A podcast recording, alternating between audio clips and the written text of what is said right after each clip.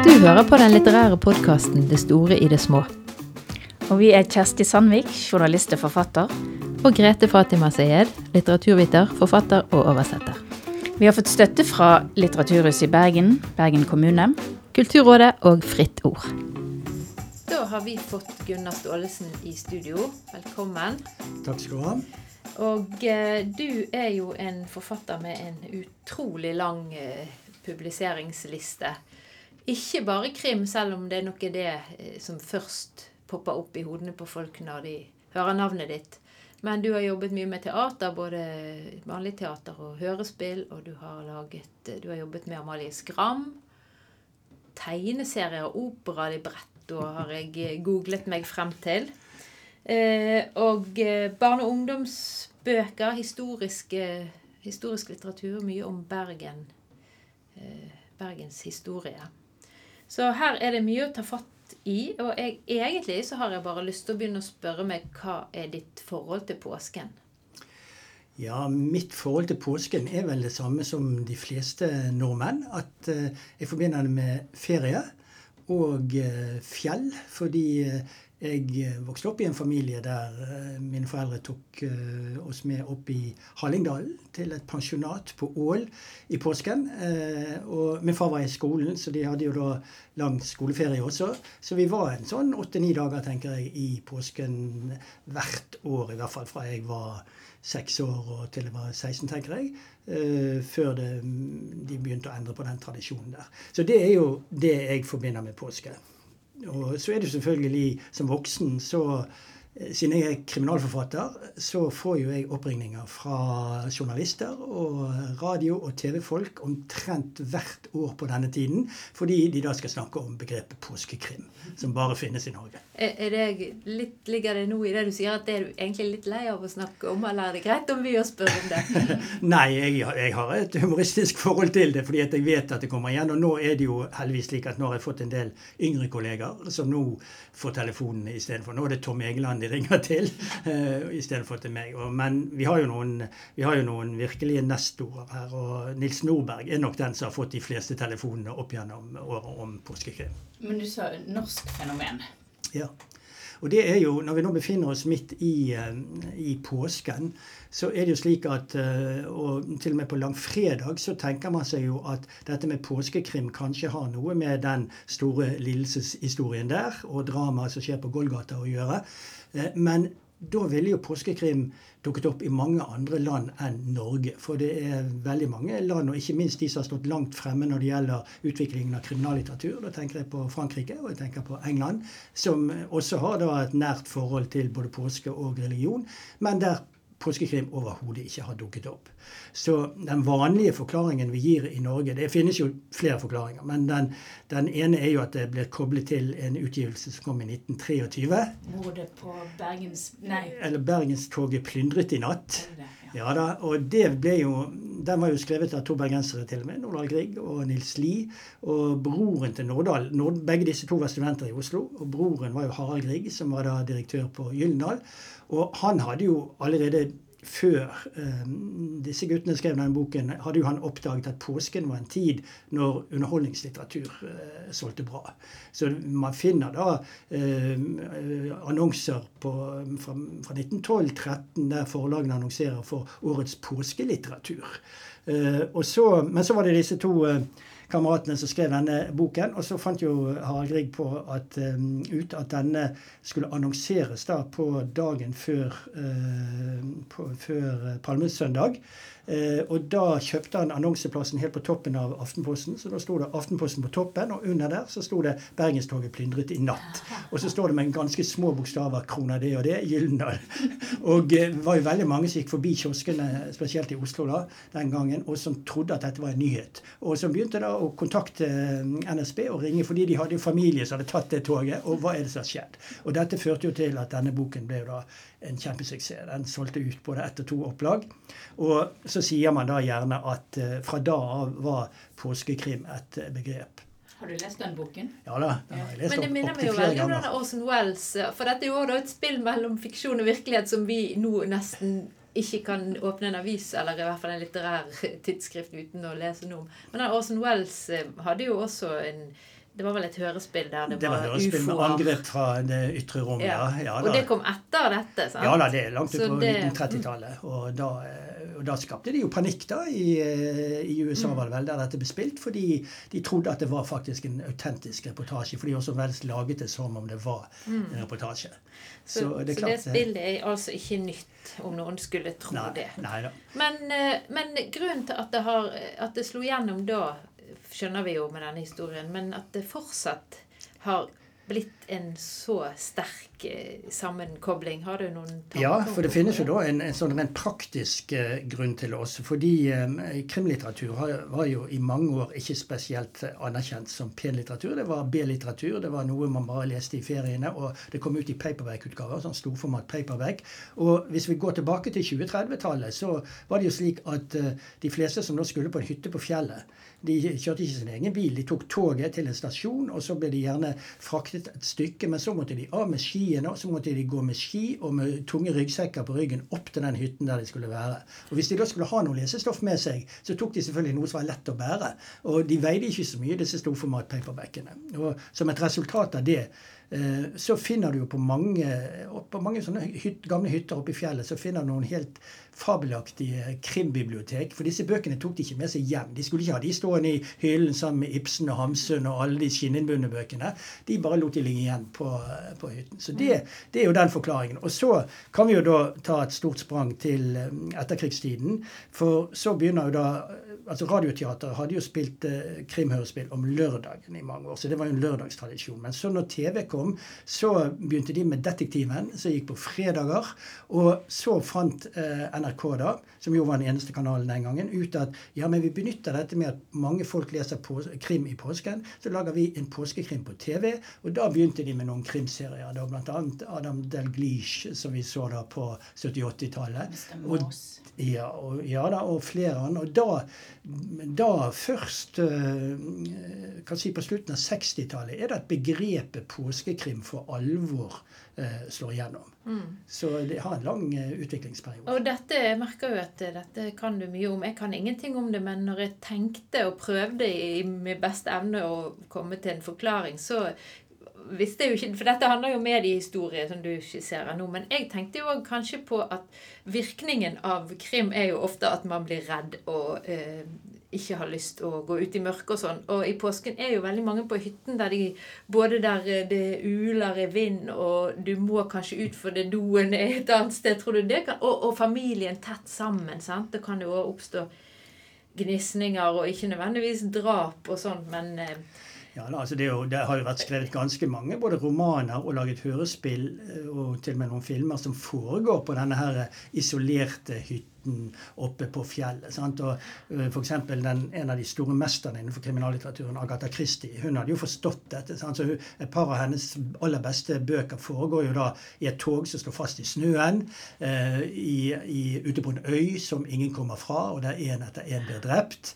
Uh, og denne Musefellen, som jo er dramaet hennes, som har gått da i, i London fra 1953 og fremdeles går, det har gått kontinuerlig, det handler jo også om foregår på et, et hus ute på landet der de er innesnødd. Så dette med å være i et lukket eh, rom på en måte, så du ikke kommer ut av, og så begynner det å skje noe, det hever jo dramatikken. Men dette er jo vel å merke den klassiske krimlitteraturen. Sant? Det er den som er underholdningsmysteriet uh, og underholdningslitteratur. Men den kriminallitteraturen som jeg representerer da, i mitt forfatterskap, det er jo en litt mer moderne avart. For vi, vi er jo litt opptatt av at vi vi skriver seriøs litteratur. Vi skildrer det samfunnet vi lever i. Vi tar opp alvorlige problemer i det samfunnet og konflikter i det samfunnet. Og ofte med et samfunnskritisk blikk. Alt dette har vi jo arvet fra det svenske ekteparet Sjøvald og Valø, som skrev ti romaner om Martin Beck mellom 1965 og 1975. Og eh, det er moderne kriminallitteratur. Og da, jo, da merker man jo også at kriminallitteraturen får en helt annen status. Plutselig så begynner universitetet å interessere seg for det. Man kan skrive i hvert fall hovedoppgaver, etter hvert doktoravhandlinger. Folk som Willy Dahl, som var veldig viktig i denne utviklingen, de begynner å skrive bøker om kriminallitteratur. Eh, og, og dette skjer jo da på 70-tallet. Uh, og, og, fra da av så har jo kriminallitteraturen i hvert fall hatt en litt høyere status enn den hadde før det tidspunktet. Nå, nå svarte du på det jeg hadde tenkt å spørre om, men, men ja skjer? Jeg følte at kanskje den endringen er ikke er så ikke så langt altså Den startet senere enn 70-tallet. Det at man tar opp samfunnsproblemer og nærmest uh, True crime er vel kanskje noe du ser på TV. Men er det, er det så lenge siden at uh, holdningene til, til krimlitteraturen endret seg? Ja, altså, for det skjer altså Den første boken til Sjøvald og Valø den kommer ut i 1965.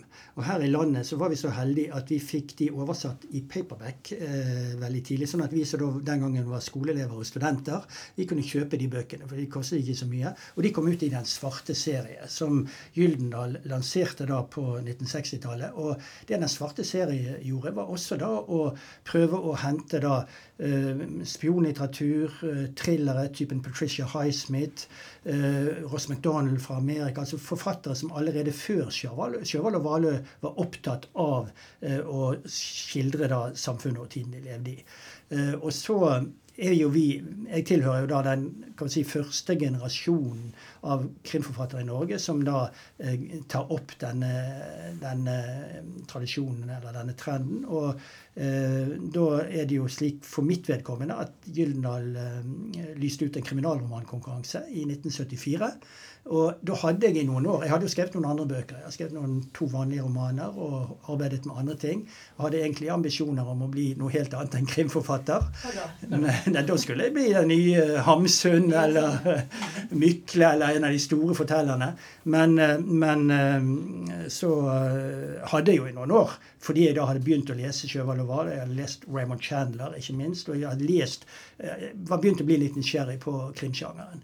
Og så fikk jeg det lille skubbet bak som eh, gjorde at jeg eh, skrev den første kriminalromanen min og vant andreprisen i den konkurransen. Og en som også sendte inn en bok til den konkurransen, men som da ikke kom på pallen, men fikk den boken utgitt litt senere, det var jo Jon Michelet. Så både Jon Michelet og jeg vi debuterte da som krimforfatter i 1975. Tor Edvin Dahl, som kalte seg David Torjussen, eh, hadde begynt året før. Og alle vi tre må jeg nok tillate meg å si at har vært da frontfigurene for den nye kriminallitteraturen i Norge. Så kom da um, Fredrik Skagen omtrent samtidig. Kim Småge som den første av de kvinnelige krimforfatterne som uh, markerte seg innenfor denne eh, sjangeren. På 1980-tallet var det vel hun debuterte. Og så kommer det jo under bølge på 90-tallet. Da plutselig ble det en flom med veldig dyktige forfattere. Typen Karin Fossum, uh, Unni Lindell, Anne Holt. Så kommer Jo Nesbø litt seinere igjen. Altså, den, den, store flommen kommer først for alvor på 90-tallet. Mm. Men vi startet på 70-tallet. Var det da Varg Veum ble født? Veum, altså De første kriminalromanene mine handlet jo om to politietterforskere på politikammeret i Bergen som jeg kalte Dumbo og Maskefjes. Og Det var fordi at skulle du skrive realistiske kriminalromaner, altså noenlunde realistiske i hvert fall, så måtte du ha politifolk som etterforsker. Og det var jo det vi hadde lært av Sjøvald og. Og det er politifolk som etterforsker forbrytelser i virkeligheten. Men mine litterære forbilder fremfor alt var jo de store amerikanske privatdetektivforfatterne. Og det var Dashiell Hammett, det var Raymond Chandler, og det var Ross MacDonald. Alle de hadde en sånn enslig detektiv som hovedperson. Så jeg var jo da, etter å ha skrevet to politiromaner, og faktisk syntes det var på grensen til å kunne bli litt kjedelig. fordi politiarbeid er jo rutinearbeid, og de må følge regler og lover. De har sine, sine helt klare begrensninger for hva de kan gjøre. Mens en privatdetektiv kan da for det første bevege seg mye friere i landskapet. Eh, Anne Holt, som jo eh, Jeg husker jeg ble intervjuet en gang, og hun sa det at hun angret da på at hennes eh, detektiv var, var blitt politietterforsker. Hun ville heller da gjort henne til en privatetterforsker. For hvis hun skal inn i en garasje som politietterforsker for å se om det er noe inni den, så må hun dra tilbake til stasjonen, fylle ut et skjema i tre eksemplarer, og levere det til politiadvokaten. Kanskje får hun svar to dager etterpå om hun får lov til å gå inn i den garasjen. Men hvis hun er da privatdetektiv, så bare går hun frem og vipper opp døren og går inn. Så det er en mer effektiv måte å fortelle på. Og så passet det nok min skrivestil bedre å ha en jeg-forteller som som jeg kan bruke da finne en litt sånn sarkastisk tone og litt uh, også kommentere en del av de tingene som skjer ute i samfunnet eller utviklingen, på en måte som er litt mer personlig kanskje da enn hvis du bare skal ha en tredjepersonsforteller. Ja, Politietterforskerne har vel heller ikke, får vi håpe, akevitt i skrivebordsskuffen, som vel er noe av det Varg er kjent for. Men du nevnte så vidt det her samfunnsperspektivet, eller sosiale perspektivet. Og jeg tenker jo òg at eh, det psykologiske er interessant når det er snakk om folk som beveger seg i grenseland for både lov og rett og ekstreme opplevelser og sånn. Men tenker du at det er realistisk, det du skriver? Er, kunne det foregå lignende saker? Har det foregått lignende saker? Eller har du liksom transportert eh, litt tøffere miljøer i Los Angeles og sånn til Nei, Det er i hvert fall veldig lett å si at uh, slik som det skjer i Varg Veum-bøkene og Den første Varg Veum-boken kommer jo i 1977, bare for å fullføre egentlig det du spurte om, at uh, Varg Veum dukker opp i bok nummer tre av mine krimbøker. da. Uh, men men jeg er jo helt klar på det at det som skjer i Varg Veum-bøkene, kunne aldri skjedd i virkeligheten slik som det skjer der. Men det gjelder selve krimintrigen. Og jeg ser jo for meg at krimfortellingen og krimintrigen det er motoren i boken. Det er den som skal få leserne til å lese videre gjennom det stoffet som jeg ønsker å formidle. Sånn at på en måte er, er eh, krimfortellingen, som da ikke kunne skjedd i virkeligheten, det er da en sånn utsmykket ramme rundt et vindu der du ser ut på virkeligheten som er gjenkjennelig. For så er det jo at veldig mange av de miljøene jeg beskriver, eh, jo, har jeg jo hentet fra den type bakgrunnsarbeid som jeg gjør, nemlig å lese aviser og følge med på nyhetene. Eh, så det ofte, gjenspeiler ofte ting som folk er opptatt av i den perioden når jeg skriver bøkene. Og så prøver jeg å jobbe med å skape personer som i seg selv er psykologisk troverdige.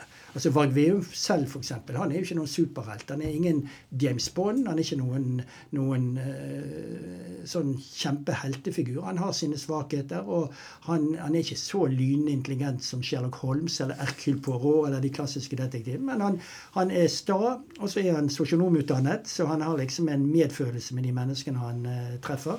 Så en kombinasjon av det eh, gjør det jo slik at jeg tenker at en del av de samtalene som jeg skriver mellom Varg Veum og noen av de personene jeg møter, de er rimelig troverdige. Og siden jeg da også har jobbet veldig mye med teater, så er jo noe av det jeg liker best å skrive, er jo egentlig dialog. Så jeg jobber jo veldig mye med dialogen i disse fortellingene. Og, og der må jeg jo alltid minne meg på selv når jeg sitter og skriver, at nå må du huske at alle her lyver.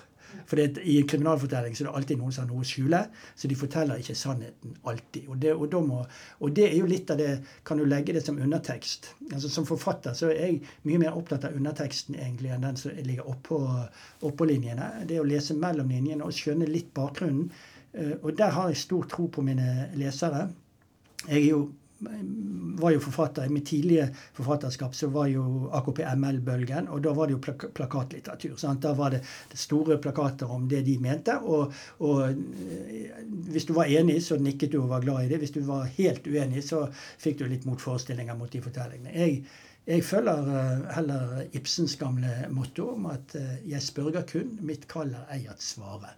Jeg vil heller stille spørsmålene, og så er det opp til den enkelte leser å, finne, finne, sitt eget svar på hvordan kan vi løse da disse konfliktene i den virkelige verden. For jeg skildrer jo da, i hele Varg VM-serien så skildrer jeg jo eh, aktuelle problemstillinger, aktuelle konflikter, som veldig mange mennesker kan, om ikke kjenne igjen i sitt eget liv, men i hvert fall kjenne igjen i samfunnet rundt seg. Altså, ikke teknisk spørsmål, men kanskje litt i den. Altså, det å finne på mord og sånn. Og hvor mye har du klart før du begynner å skrive? Ja, Det er jo etter hvert når jeg har skrevet så mange bøker som jeg har gjort, så er jo det litt av en utfordring. Men nå er det slik at jeg har skrevet uh, med tanke på å være forfatter fra jeg var 17 år gammel. Så den, ha, den harddisken jeg har i bakhodet, den er innstilt på å finne på historier. Og den jobber jo ubevisst. Sånn at uh, jeg har jo vært privilegert som forfatter ved at jeg aldri har gått tom for ideer. Jeg har aldri hatt skrivetørke. Uh, det er slik at når jeg er ferdig med, eller Mens jeg skriver på en Varg VM-bok, så dukker det som oftest opp noen nye ideer til en ny bok i bakhodet.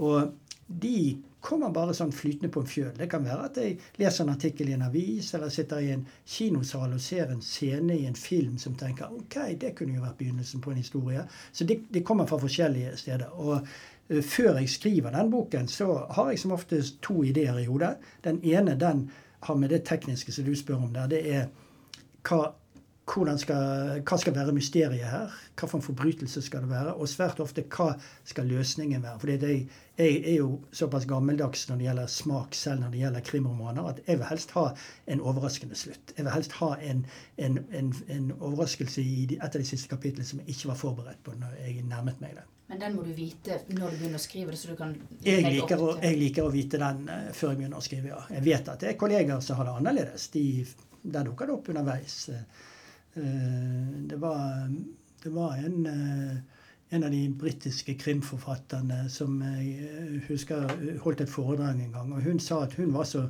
Jeg husker ikke hvem av de det var, men hun, hun fortalte at hun var så dårlig til å lyve at hun måtte si til seg selv når hun begynte på boken, at det er person A som er den skyldige. Og så skrev hun halve manuset med det i tankene. Og så når hun hadde skrevet halvparten, sa hun nei, det var ikke person A, det er person B som er den skyldige. Og da klarte, da klarte hun å skjule. Men det er jo da den tekniske siden. Og det andre som jeg samtidig ofte har, uh, som jeg har den ideen på i forbrytelsen, det er at jeg har et tema som jeg gjerne vil, uh, vil beskrive i den boken.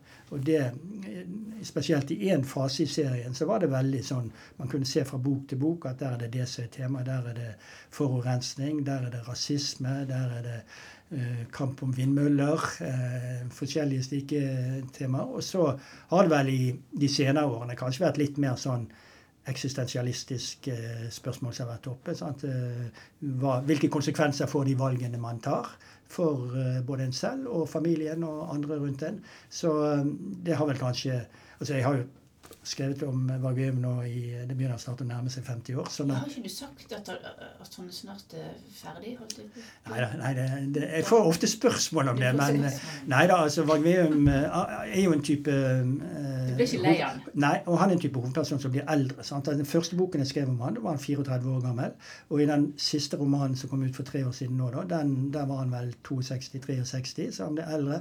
Men nå ligger jeg jo litt tilbake i tiden, fordi at jeg var jo så uheldig å gi han han et fødselsår en gang, så han er jo født i 1942. Og da kan vi jo alle regne ut hvor gammel han er nå. Men nå har jeg jo fått en trøst faktisk nå i vinter, fordi eh, Joe Biden, som nå er blitt president i USA, han er like gammel som Varg Veum.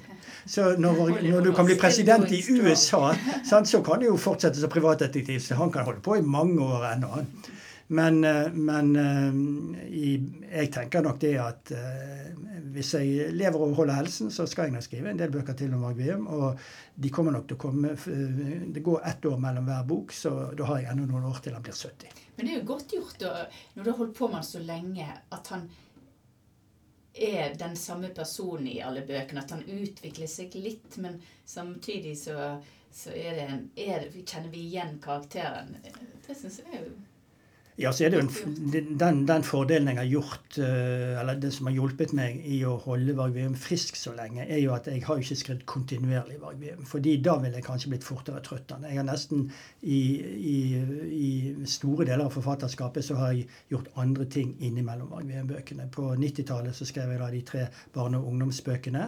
Og så var det jo en uh, periode Jeg tok en pause på syv år når jeg laget uh, den bergenstrilogien på slutten av 90-tallet.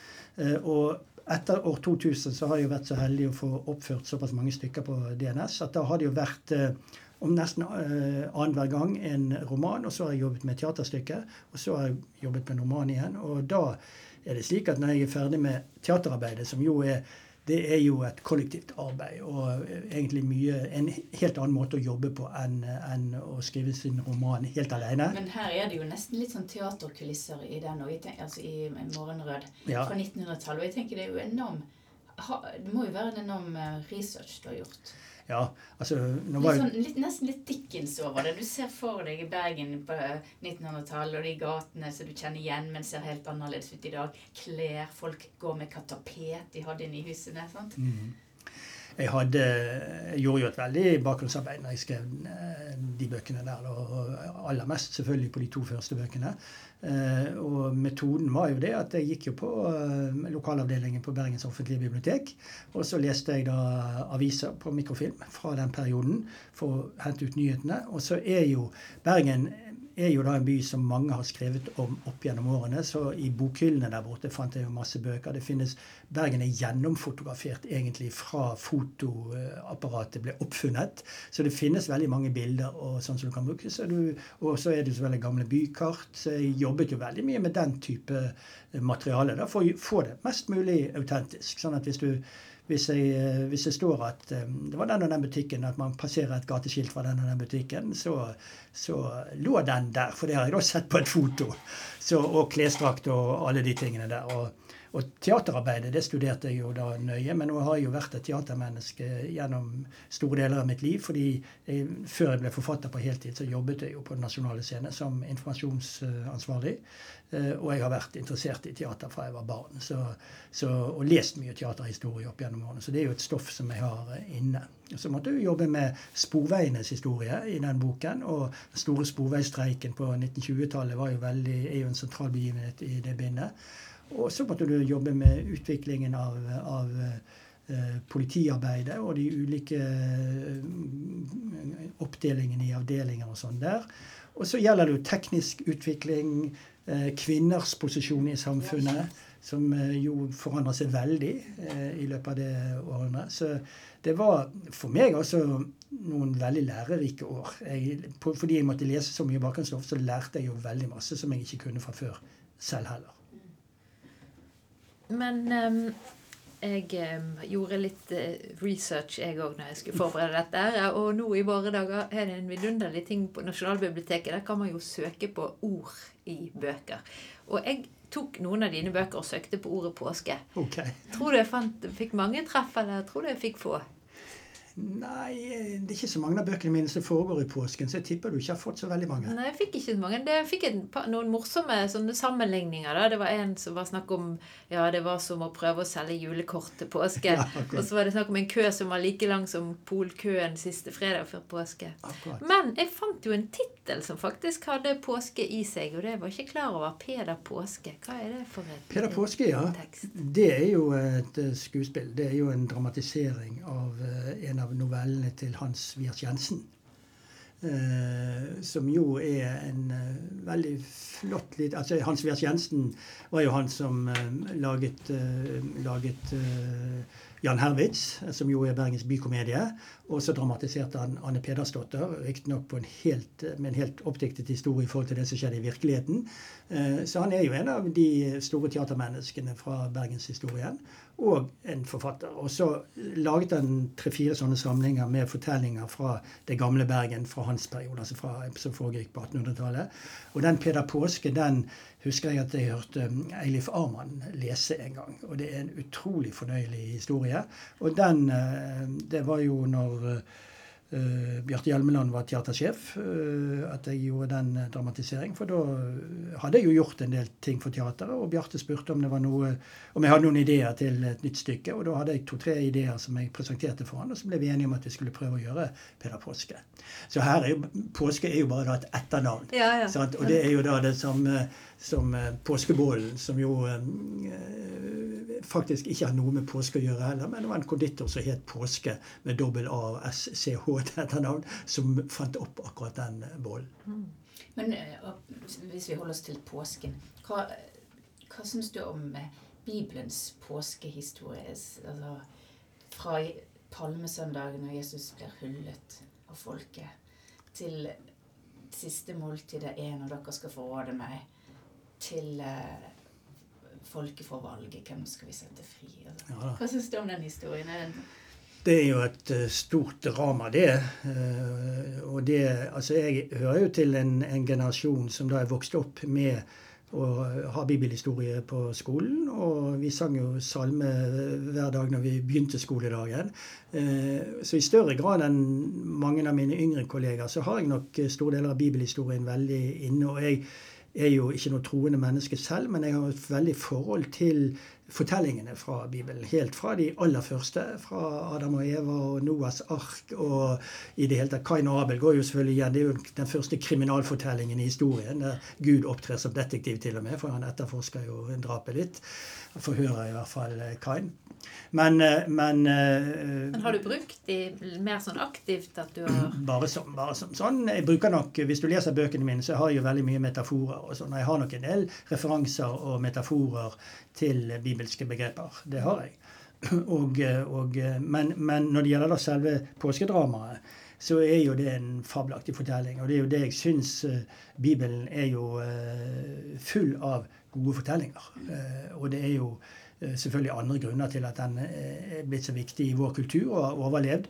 Eh, men for meg personlig så er det nok det med fortellingene som er det fascinerende. Og det blir man aldri helt ferdig med. Og påskedramaet det er jo blitt brukt Eh, av mange forfattere opp gjennom tiden. Eh, Bar Barabas og mange andre kunstnere. Sant? Og 'Mesteren og Margarita', som er min russiske favorittroman. Det er jo veldig mange som har brukt eh, det dramaet. Og det er klart Jesus er jo en, er jo en interessant figur. Vi nærmer oss slutten. har du noe påskelesestofftips? Enten i krimsjangeren eller i en av de bibelske fortellingene, eller noe helt annet. Du, er det noe du leser akkurat nå som du vil anbefale? Altså, akkurat nå så har jeg nettopp lest den siste boken til Karin Fossum. Og eh, Karin Fossum syns jo jeg er, en, er vel, vil jeg påstå, den beste av de norske krimforfatterne i, i min generasjon. Hun er et par år yngre enn meg, men ikke så veldig mye.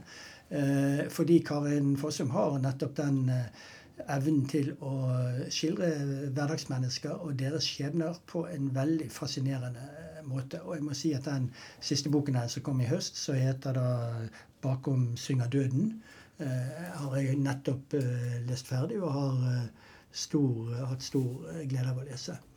Eh, men ellers er det jo eh, Jeg nevnte jo da eh, 'Mesteren og Margarita'. og så må jeg også si at i hvert fall eh, for de som er fra Bergen, og som aldri har lest 'Hellemyrsfolket' av Amalie Skram, eh, så bør de bruke påsken til å begynne på det. For det er et verk som alle i Bergen bør ha lest minst én gang i sitt liv. Du har nå hørt en episode av den litterære podkasten 'Det store i det små'. Og hvis du likte det du hørte, så følg oss gjerne på Facebook og Instagram.